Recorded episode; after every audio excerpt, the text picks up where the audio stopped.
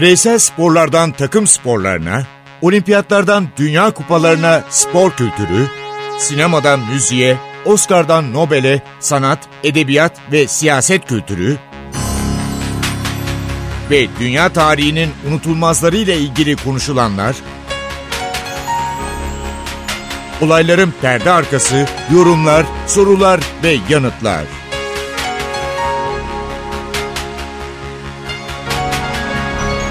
Ercan Taner ve Mert Aydın'la Ateş Arabaları başlıyor.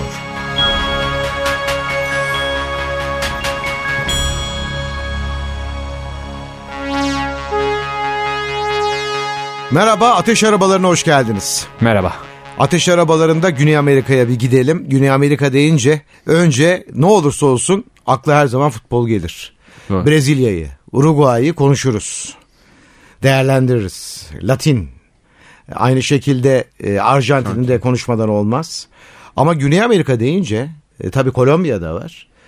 E, futbol konuşuruz dedik ama Güney Amerika edebiyatı da Latin edebiyatı da bir başka oluyor. Evet. Bunlardan en önemlilerinden biri geçtiğimiz hafta hayata veda etti. Gabriel Garcia Marquez.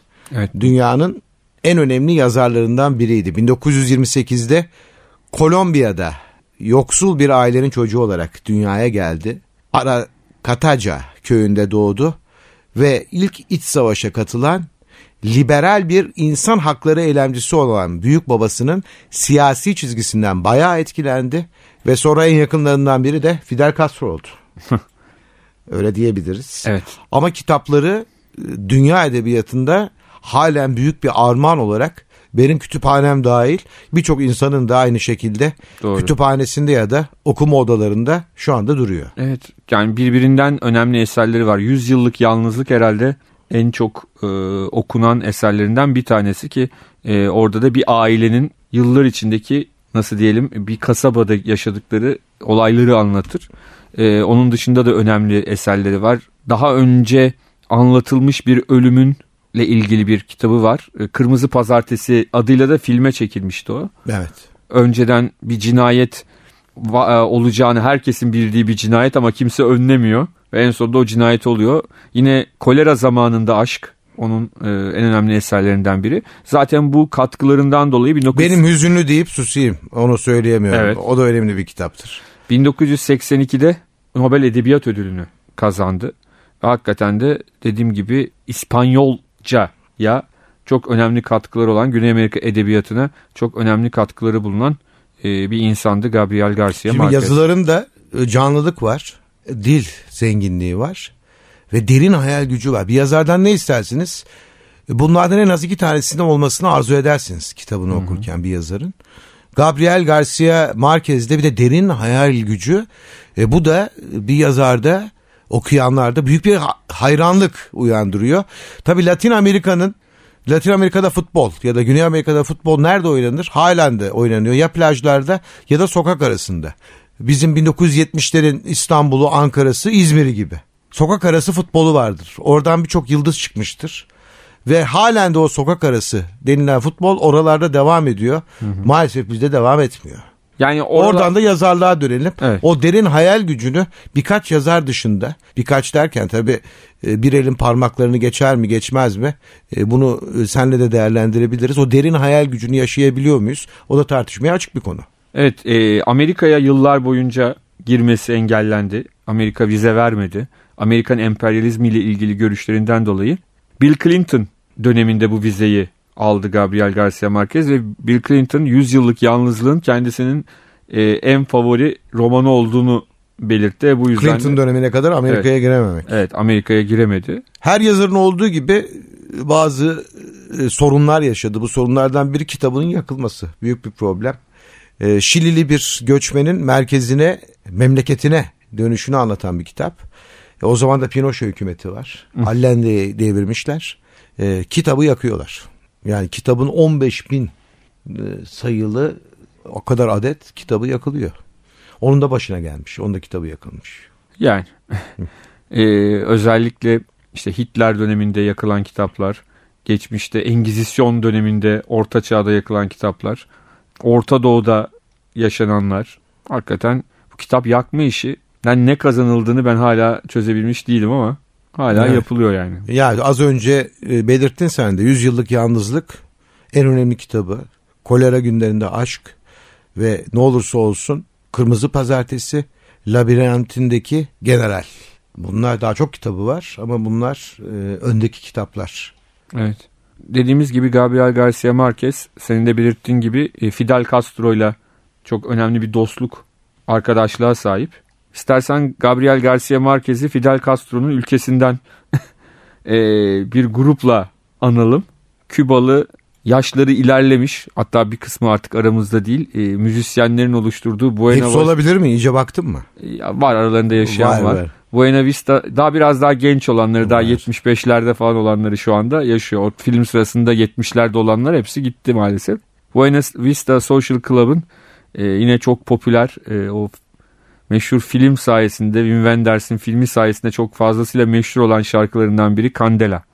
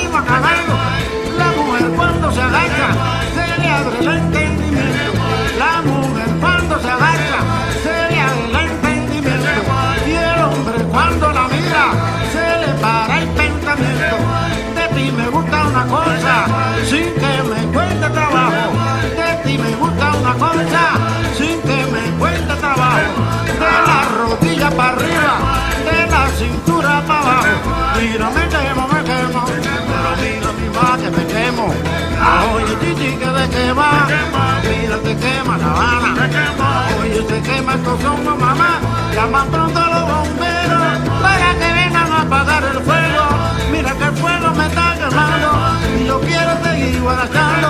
Mira, se quema, se quema, pero mira mi mar que me quema. Pero mira, se quema, se quema, pero oye, se quema, se quema. Pero mira, se quema la malla, pero mira mi que me quemo. Ay, candelita, ay, candelota, ay, candelita.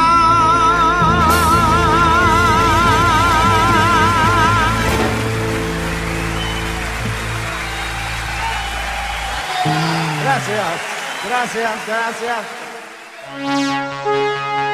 Küba'ya gittik. Çok güzel bir şarkı dinledik. Oradan da e, futbol konuşuyoruz. Futbolla ilgilenen bir yazarı sizlerle paylaşalım dedik. Bu yazarın adı Eduardo Galeano. Uruguay'ın başkenti Montevideo'da dünyaya gelmiş bir yazar ve aynı zamanda gazeteci.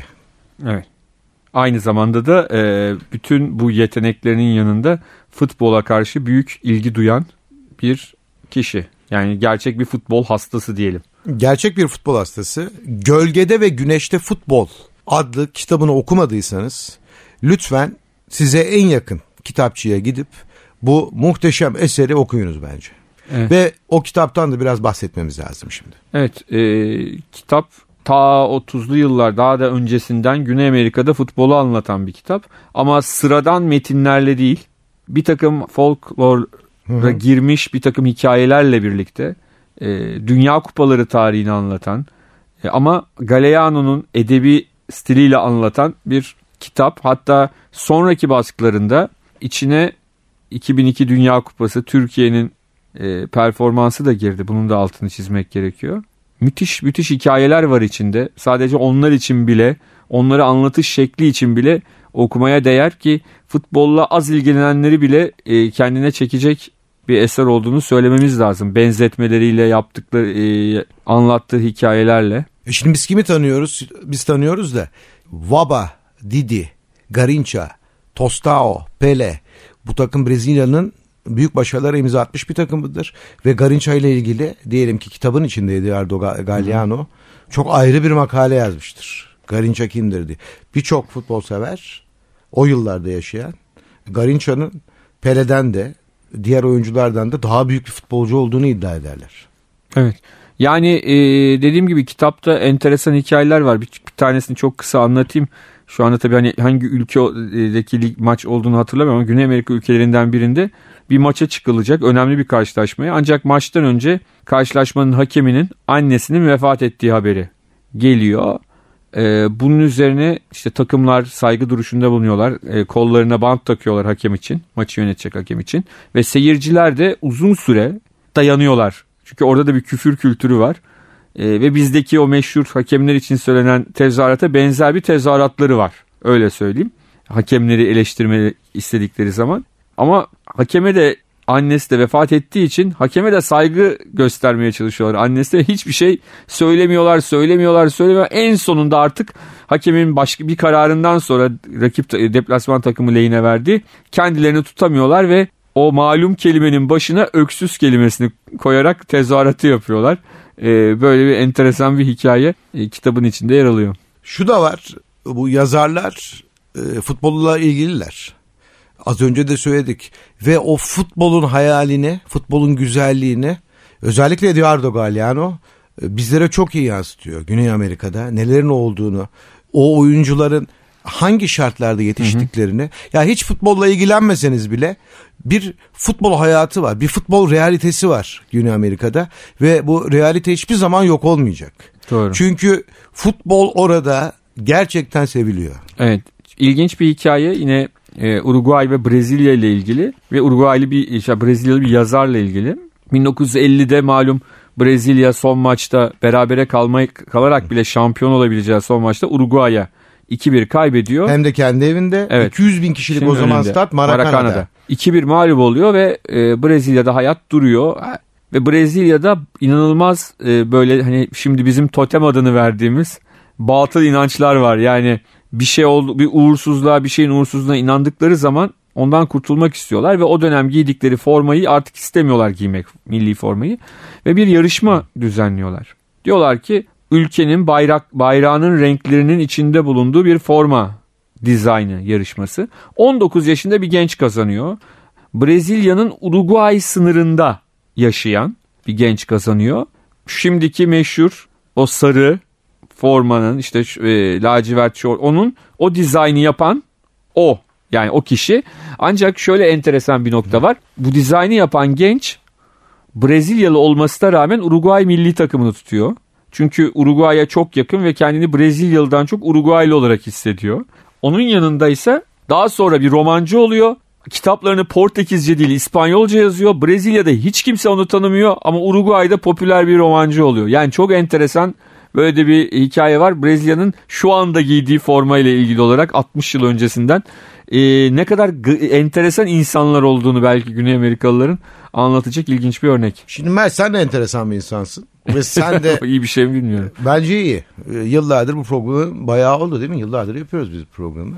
Ve yıllardır uğraştığım bir konu var. Sayın dinleyicilerimizle bunu paylaşalım. Dünya kupalarını hikaye eden e, bir kitap için yıllardır uğraşıyorsun. Türkiye'de en büyük eksik spor e, yayınlarının yani spor kitaplarının az olması. Ve sen de bir yazarsın. Başka makalelerin de var. Ben de yazmaya çalışıyorum da. Ama sen bu Dünya Kupası'nı yani Dünya Kupası hikayesini kaç yılda uğraştın bitirdin? Yani aslında bu birikim olarak görmek lazım. Yani e, ben kaç ilk defa hani gözümü açtım 78 Dünya Kupası ilk hatırladığım kupa. Ondan sonra tabii onları Kempesli yıllar. Arjantin Evet onları takımı. kafamızda biriktire biriktire belli bir yere geliyorsunuz. Tabii ki geçmiş için okuyorsunuz, öğreniyorsunuz. Ee, bunları saymak lazım. Yani normal oturup yazmanız belki 5 ay sürüyor, 6 ay sürüyor ama asıl öncesi çok uzun bir süreç. Ya kitabın yazmadan öncesi karar vermek, çatıyı çıkarmak Tabii. bunlar çok önemli. Ee, umut ediyorum bu Dünya Kupası'na yetişir. Ben de öyle ümit ediyorum. Çünkü Yani bu- genç nesiller için Dünya Kupası tarihi eğer futbolu seviyorlarsa ben tavsiye ederim. Ve uzun süredir uğraşıyorsun. Ee, Bunu da bir Türk yazacak. Tahmin ediyorum İngilizce'ye de çevrilir. Ben çünkü kitabın geçen gün bana gösterdin. Çok iyi bir çalışma. Onu Teşekkür söyleyebilirim. ederim sağ ol. Ya öyle 112 sayfadan falan oluşan bir şey değil. Bütün Dünya Kupası hikayeleri olan bir çalışma yapmışsın. Evet. Tebrik ederim. Yani mümkün olsa daha çok yazma, yazabilecek çok şey vardı ama o zaman da 5000 sayfa falan olur. O, o da baskı basılmak için çok e, uygun değil. ben de 5000 çok sayfa hikaye var. okuyamam onu söyleyeyim. Tabii. 5000 Çok- sayfa. Yani çok, Çok fazla. e, çünkü çok fazla hikaye var. Yani neredeyse aslında baktığınız zaman katılan tüm ülkelerle ilgili, tüm futbolcularla ilgili çok enteresan hikayelere rastlıyorsunuz. Bu e, bunu bulmak çok da zor değil aslında. Doğru kaynaklara eriştiğiniz zaman. Ama e, yani bir belli bir yerde ba- artık kendinize gen vurup bazı şeyleri oraya sokmuyorsunuz. Yani her şeyi de içinde de yer alması mümkün olmuyor. Sayfa sayısının belli bir sayıyı aşmaması lazım. E, ama mümkün olduğunca e, en keyifli hikayeleri oraya koymaya çalıştık. Rubin Carter orta siklet boks şampiyonu ve Hurricane lakabı Bob Dylan'la da ilgili birazdan hikayesini anlatacağız. Bir şampiyon işlemediği 3 cinayetten dolayı tam 20 yıl hapis yatıyor. Ve cinayetin temelinde şu var ırkçılık var. Irkçılıktan dolayı kesinlikle Rubin Carter suçlu olarak gösteriliyor boksör ve tam 20 yıl hapis cezası alıyor. Bob Dylan'ın kendisi hakkında bir bestesi var, şarkısı var. Onun dışında Denzel Washington'ın başrolle oynadığı da bir film var. Bir Evet. şampiyondan bahsediyoruz. Artık o da dünyada yok. Evet Rubin Carter önceki gün vefat etti. O da 77 yaşında. Ama senin de söylediğin gibi e, yaklaşık 20 yılını içeride geçirmek zorunda kaldı bu yaşamının. Ve suçsuz olduğu halde. Ee, özellikle 70'li yıllarda ciddi bir insan hakları kampanyası onun serbest bırakılması için e, Amerika'da yapıldı ve işte Bob Dylan'ın meşhur birazdan da dinleyeceğimiz şarkısı da o dönemin 75 yılının ürünü ama yeterli olmadı. Filmi belki e, izlememiş olanlar bulup izleyebilirlerse o mücadelenin onu e, dışarı çıkarabilmek, hapisten çıkarabilmek için yapılan mücadelenin detaylarını orada görebilirler. Hemen Aslında şunu da söyleyeyim. ba- Amerika'da o yıllar çok zor. 1967, Evet. 1970'ler ve öyle bir jüri önünde yargılanıyor ki 20 yıl yemeden önce jüri tamamen beyazlardan oluşuyor. Hiçbir şekilde savunma hakkı yok. Hakimin davada ırkçılık yaptığı daha sonra belirleniyor. E, Daha sonra derken 20 yıl geçince. E, 20 yıl boşu boşuna hapis yatan, işlemediği, kesinlikle işlemediği ortaya çıkan 3 cinayetten suçlu yatan bir insandan bahsediyoruz. Evet, e, Rubin Carter film sırasında e, Norman Jewison'ın yönettiği film sırasında Norman Jewison Denzel Washington'ın sahnelerini ona göstermiş ve çok hoşuna gitmiş Rubin Carter'ın. E, yani iyi ki Denzel Washington e, bu rolü oynadı demiş. Dediğim gibi filmde e, olayı biraz daha detaylarıyla hem yaşanan olayı en başından itibaren 60'lı yıllarda o başkasının işlediği suçun nasıl olduğunu ve nasıl onun e, yanlışlıkla Bütün suçların nasıl üstüne kaldığını. kaldığını e, filmde çok detaylarıyla anlatıyor ama işte ne kadar e, bir yerde adalet yerini bulsa da geç gelen adalet işte 20 yılını yemiş durumda yani Artık adalet falan gelmiyor 20 yıl sonra. Pardon denemez. herhalde. denemez. Yok pardon olmuyor zaten de e, sonuçta ne derler en azından e, hayatının son 30 yılını özgür bir insan olarak geçirme şansı. Üniversitelerde ders vermeye başlıyor. Televizyon programlarına katılıyor. Son yılları e, belki de tam iyi olmasa da 20 yıl yattıktan sonra nasıl iyi olur bilmiyorum ama e, biraz daha iyi oldu diyebiliriz. Filmi seyretmeyenler için adını söyleyeyim The Hurricane filmin adı ve başrolde müthiş aktör Denzel Washington var. Burada Bob Dylan'a ayrı bir yer ayıralım. Ve Hurricane. Yani. Rubin Carter'ın lakabı Hurricane, boksör olarak lakabı. Evet. E, fırtına. Şimdi Hurricane'i dinliyoruz. Pistol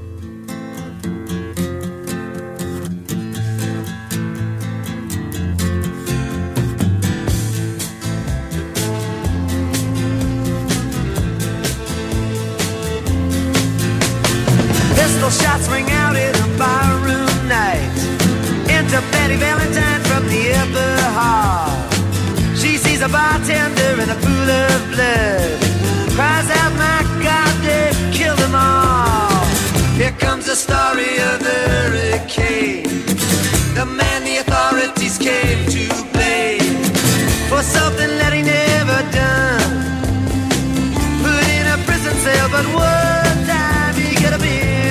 Champion of the world.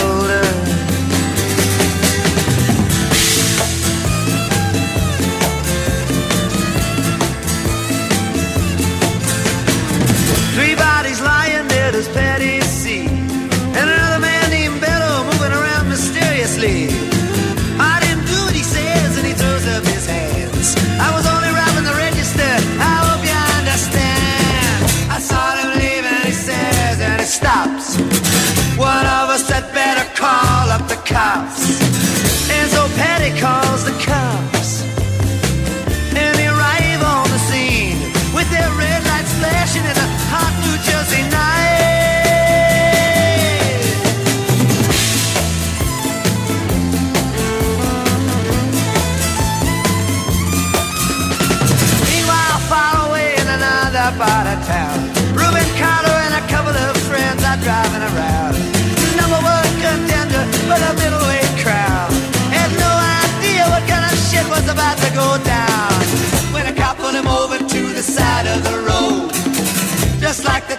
And the time before that. In Patterson, that's just the way things go. If you're black, you might as well not show up on the street unless you wanna draw the heat.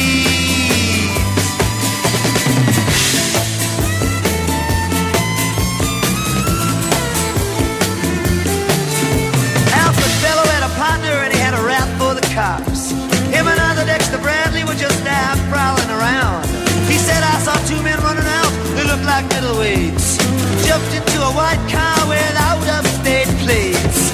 And Miss Patty Valentine just nodded her head. Cop said, wait a minute, boys. This one's not dead. So they took him to the infirmary.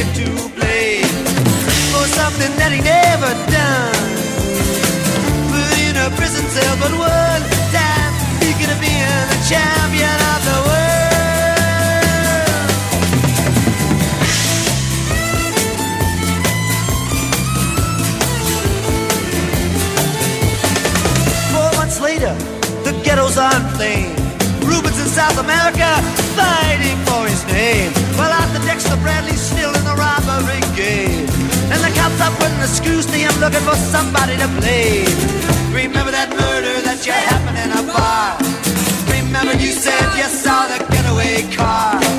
Thinking like to play ball with the law. Think it might have been that fighter that you saw running that night. Don't forget that you are.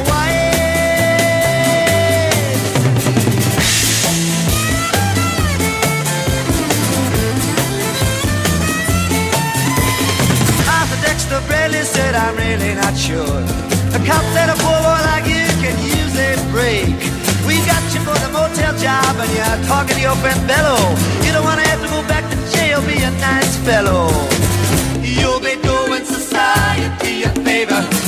That son of a bitch is brave and getting braver.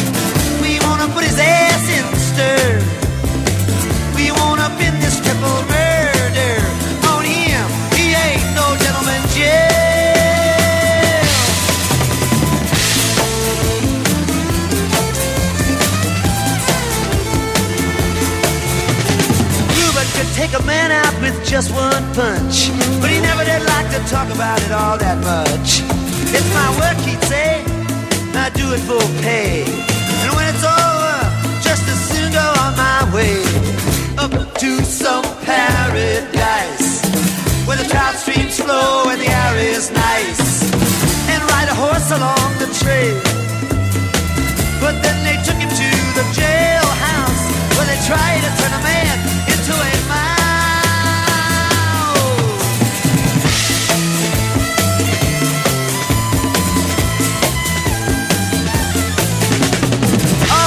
Reuben's cards were marked in advance. The trial was a pig circus, he never had a chance. The judge made Reuben's witnesses drunkards from the slums. To the white folks who watched, he was a revolutionary bum. And to the black folks, he was just a crazy nigger. No one doubted that he pulled the trigger. And though they could not produce the gun, the DA said he was the the deed, and the old agreed.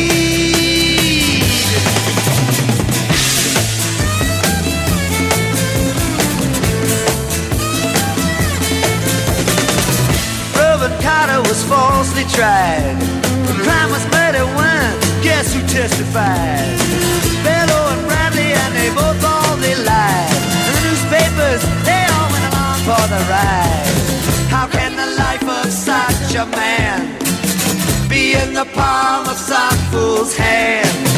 To see him obviously framed couldn't help but make me feel ashamed to live in a land where justice is a game.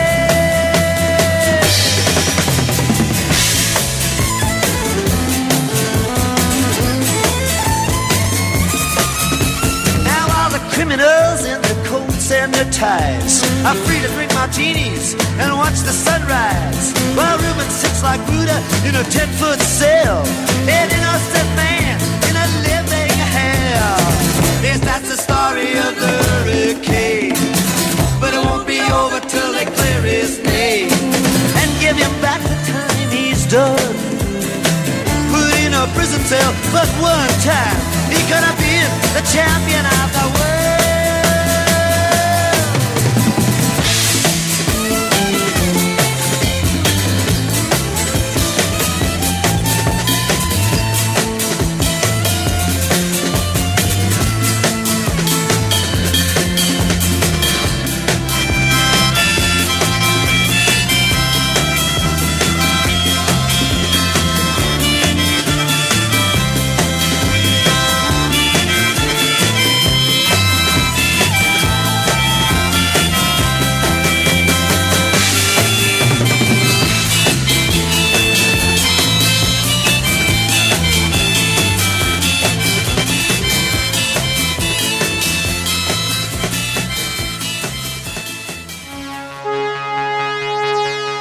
Bob Dylan'ın şarkı yapmış kesinlikle. Bir borç olarak bunu gördüğüne eminim ben Bob Dylan'ın. Bu konudaki yorumunu çok merak ediyorum. Evet yani e, o dönemde dediğimiz gibi bunu gerçekleştirmek için onu serbest bıraktırabilmek için yaptıkları e, kampanyanın bir parçası bu şarkı. E, ama 10 yıl sonra ancak çıkabiliyor hapisten. 1985 yılında çıkabiliyor. 70'li yılların tamamını neredeyse içeride geçiriyor. Ya bu yüzden de bir nesli tamamıyla e, yaşamamış oluyor. Aynen. Yani bir nesli dışarıda, kendisi içeride. Hiçbir şekilde o mutluluğu göremiyor. Bob Dylan için de e, çok güzel sözleri var biliyorsun. Bir şiir çıplak bir kişidir. Bazıları benim bir şair olduğumu söyler diyor. Şimdi buyurun hadi oturun tartışalım. bir kahramanı sorumluluğunun derecesinin özgürlüğünden geldiğini anlayabilen bir kişi olarak düşünüyorum diyor Bob Dylan. Biz de buradan 1900 artık Dünya Kupalarında konuşuyoruz ya. 1974 Dünya Kupası ile ilgili bir Rivellini golü var. Bunu dinleyicilerimizle paylaşmamız lazım. Bu gol şu anda olmayan bir ülke olduğu için söylüyorum. Demokratik Almanya. Free kick. O zaman Brezilya'da Francisco Marinho var. Sarı saçları ve baraj yapılıyor. Demokratik Almanya barajı. Sadece topun başında Rivellino var. Tam böyle topa gelirken barajdaki Brezilyalı eğiliyor. O eğilen Brezilyalı'nın üstünden Rivellino topa vuruyor ve top 90'a gidiyor. Hatırladın mı o golü? Evet tabii ben yaşamadım Ya ama gördük. daha sonra hatırladım. Evet Daha tabii ki gör- gördüm. Bu gördüm. unutulmaz golleri E konuştuğumuz şimdi bu, için zaman bu, zaman. bu tip e, pozisyonların da e, daha sonraki yıllarda şimdi o zaman Dünya Kupası en büyük organizasyon. Yani şimdiki gibi her yıl Şampiyonlar Ligi diye bir şey yok. Şampiyon Kulüpler Kupası zaten finale kadar toplam 3 tur atladığınız 4 tur atladığınız bir organizasyon. Yani böyle grup maçları falan olmuyor. Ve o yüzden de tüm Avrupa'nın belki dünyanın futbolla ilgili en çok beklediği şey 4 yılda bir Dünya Kupası. Ve orada yaşanan oradaki taktiksel devrimler, orada yapılan işte atılan gollerde e, yapılan taktikler bunun gibi işte kafasını bir e, bir örnek olarak alınıyor ve daha sonra e, farklı yerlere gidiyor. Yani daha başkaları da kullanmaya başlıyor. Bu gol de öyle gollerden bir tanesi. Benim Dünya Kupası ile ilgili kitap yazdığın için bazı şeyleri konuşmamız lazım. Benim en unutamadığım kupa 1982 Dünya Kupası. Senin. Evet 82 benim için de önemli çünkü 78 ile başladım desem de 82'yi tamamen yani çünkü 78'de e, ilkokul birinci sınıftan ikinci sınıfa geçmiştim ve Arjantin'de olduğu için gece sabaha karşı olan maçları dayanarak seyretme şansım pek olmadı. Daha sonra hani genel özetlerini izleyebiliyordum. E, ancak hani 9'da 10'daki maçları izleyebiliyordum ama 82 Dünya Kupası'nda tahmin ediyorum ki hemen hemen tüm maçları izledim. Ben Arjantin'de tatil olan günler vardı. Arjantin Peru maçını unutamam. O maç hala Peru Arjantin'e ben bir 6 tane yiyeyim demişti değil mi? Eminsin. Yani öyle görünüyor öyle söyleyelim. Çok rahattı Peru takımı çünkü. Biraz Yani öyle. 1900 çok rahattı o maçta. Ama Ama, sek- 82'de de unutamadığım maç benim İtalya, Brezilya, Paolo Rossi ve Fransa, Almanya. Almanya, evet. İlk defa Almanya diyordum ki Almanya rezil oluyor, eleniyor. O Almanya 3-1'den geri geldi. Evet o maç e, hakikaten çok orijinal karşılaşmalardan bir tanesi. Yani şöyle anlatalım. Maçın normal süresi 1-1 bitiyor. E, iki penaltı golü Litbarski ve Platini'den. Maçın içinde de yine dünya futbol tarihine geçmiş bir olay oluyor. Pardon Litbarski'ninki penaltı değil Platini'ninki Evet. penaltı. Schumacher Evet. Batiston'la karşı Evet. karşıya geliyor. Batiston'un çenesi kırılıyor. Evet. Ve Schumacher için inanılmaz büyük eleştiriler var ve Batiston'u ben okumuştum. Ee, onu hala affetmiyorum diyor Batiston. E, uzun süre Batiston hastanede kaldı. Ölüm tehlikesi yaşadı. Evet, Sonra futbola döndü ama yıllarca oynadı. Ve o pozisyonda maçın hakeminin out vermesi yine tarihte en çok tartışılan konulardan bir tanesi. O maçın uzatma bölümüne harika başlayan yine bir Fransa var. Trezor ve Jires'in golleriyle 3 Bir anda maç 3-1 oldu. 3-1 oldu. Uzatmada 3-1 oluyor. Yani uza- uzatmada döndürmeniz çok kolay değil. O sırada Jupp Derwal Batı Almanya milli takımın teknik direktörü yanında Rumenige oturuyor. Çünkü Rumenige sakat. Sakat olduğu için e, hani biraz da finale saklama ama bakıyor bir final yok olmayacak ortada. Eleniyoruz. Onu E, görüyor. Almanya Rumenige'yi uzatmanın ilk devresinin sonlarında oyuna sokuyor ve Rumenige o dönem o arada bir gol atıyor. Uzatmanın ilk devresi 3-2 bitiyor. İkinci Fransa'nın şeyi hissettim ben maçı seyrederken. 3-2'den sonra Fransa takım bir oyundan düştü. E düşer tabii normal. Ardından senin çok sevdiğin Klaus Fischer'in Çok röveşatası. severim. E, Bombacı. Evet klasik röveşata gollerinden biri 3-3. Penaltı atışlarında da işin ilginç yanı ilk kaçıran Almanlar oldu. Yani Stilike Ki Stilke çok usta ve teknik bir oyuncuydu. Aynen öyle. Stilike penaltıyı kaçırdı ki Fransa milli takımının en zayıf noktalarından biri kalecisiydi. Sonra yıllarca sonra Galatasaray'a karşı oynamıştı Monaco'da. Ettori. Ettori. Beklen yani beklenmedik bir seçimdi. Kalede onun olması beklenmiyordu. O oynuyordu ve o kurtardı penaltıyı. Ee, ama ardından e, Bosis ve Six'in daha o da Galatasaray'a geldi Evet. sonra. Kaçırdıkları penaltılar Batı Alman milli takımını finale taşıdı. Finale taşıdı. Bir de tabii Almanlar biliyorsunuz Avusturya maçı dolayısıyla grubun ilk gruptaki yani biraz hatır şikesi diyelim. Fa- biraz farklı çünkü Schumacher kitabında da birbirimize fazla zar- zarar vermemeye çalıştık dediği bir maç sayesinde. Almanya ve Avusturya. Cezayir'in elenmesine yol açtılar. Aynen öyle. O yüzden Almanya'ya karşı büyük bir antipati vardı. E, yarı final maçında yine Schumacher'in yaptığından sonra bu antipati ikiye katlandı. Bu yüzden finalde e, finale aslında ikinci tura kadar ite kaka gelen İtalyanlar daha sempati toplamışlardı e, İspanya'da. Ama Brezilya maçı ite kaka olan bir maç değildi. Değil. Brezilya mükemmel oynadı.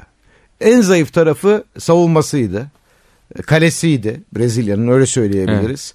Fakat şu faktör Paolo Rossi'nin ortaya çıkması Brezilya'ya karşı İtalya'nın galip gelmesini sağladı. Evet, o maça Her yerde Rossi var.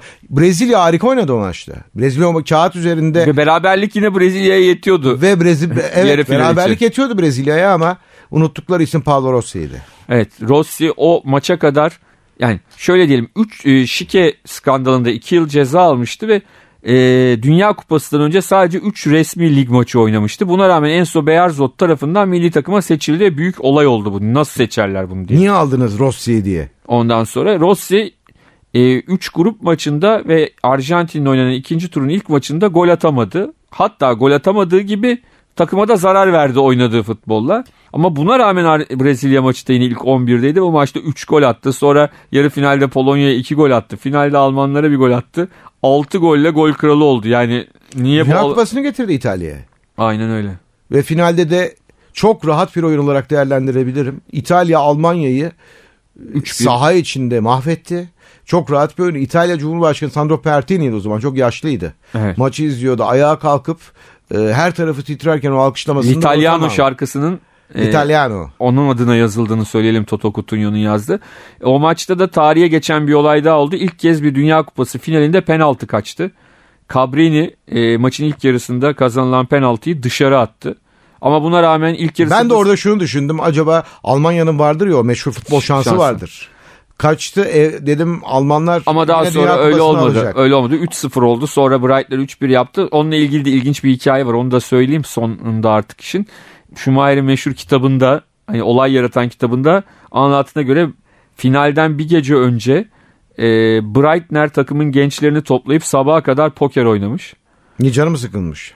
E, uyuyamamış herhalde. Uyuyamamış. E, bir gün sonra sahadaki tek ayakta kalan Alman'ın Breitner 30'luk Breitner olması da enteresan. Golü atanında Breitner olması Evet. enteresan. Ki Breitner'de o golle e, iki ayrı Dünya Kupası finalinde gol atan ilk oyuncu oldu. Sonra Zidane falan hani başkaları da attı ama bunu ilk başaran da Breitner oldu. 74'te de finalde atmıştı. 82'de de finalde atmış oldu. Mert çok güzel şeylerden bahsettik bugün her zaman olduğu gibi. Yeni bir dizi var değil mi? True Detective. Evet Amerika'da kasıp kavurdu. E, şimdilerde Dijitürk'te oynuyor. Müthiş bir dizi. Hem bu yılın Oscar'lı aktörü Matthew McConaughey'i artı yine çok büyük bir aktör Woody Harrelson'ın müthiş İki performansları var. Galiba o dizide her sene aktörler değişecekmiş. Evet, Öyle evet, bir şey yok. evet. Doğru mu? Ben de öyle duydum. Mantıklı da çünkü artık bir daha bu ikisine e, şey yapmazlar herhalde ama yine herhalde yine başarılı çok ün- e, iyi aktörleri seçerler diye tahmin ediyorum. Ama dizinin bir başka özelliği daha var. Giriş şarkısı diyelim dizinin. Mükemmel. E, bir kere diziye giri, girmenizi sağlıyor hemen çünkü müthiş bir e, Sizi şarkı. hemen havaya sokuyor. Evet şimdi biz de sizi havaya sokalım. The Handsome Family grubundan Far From Any Road.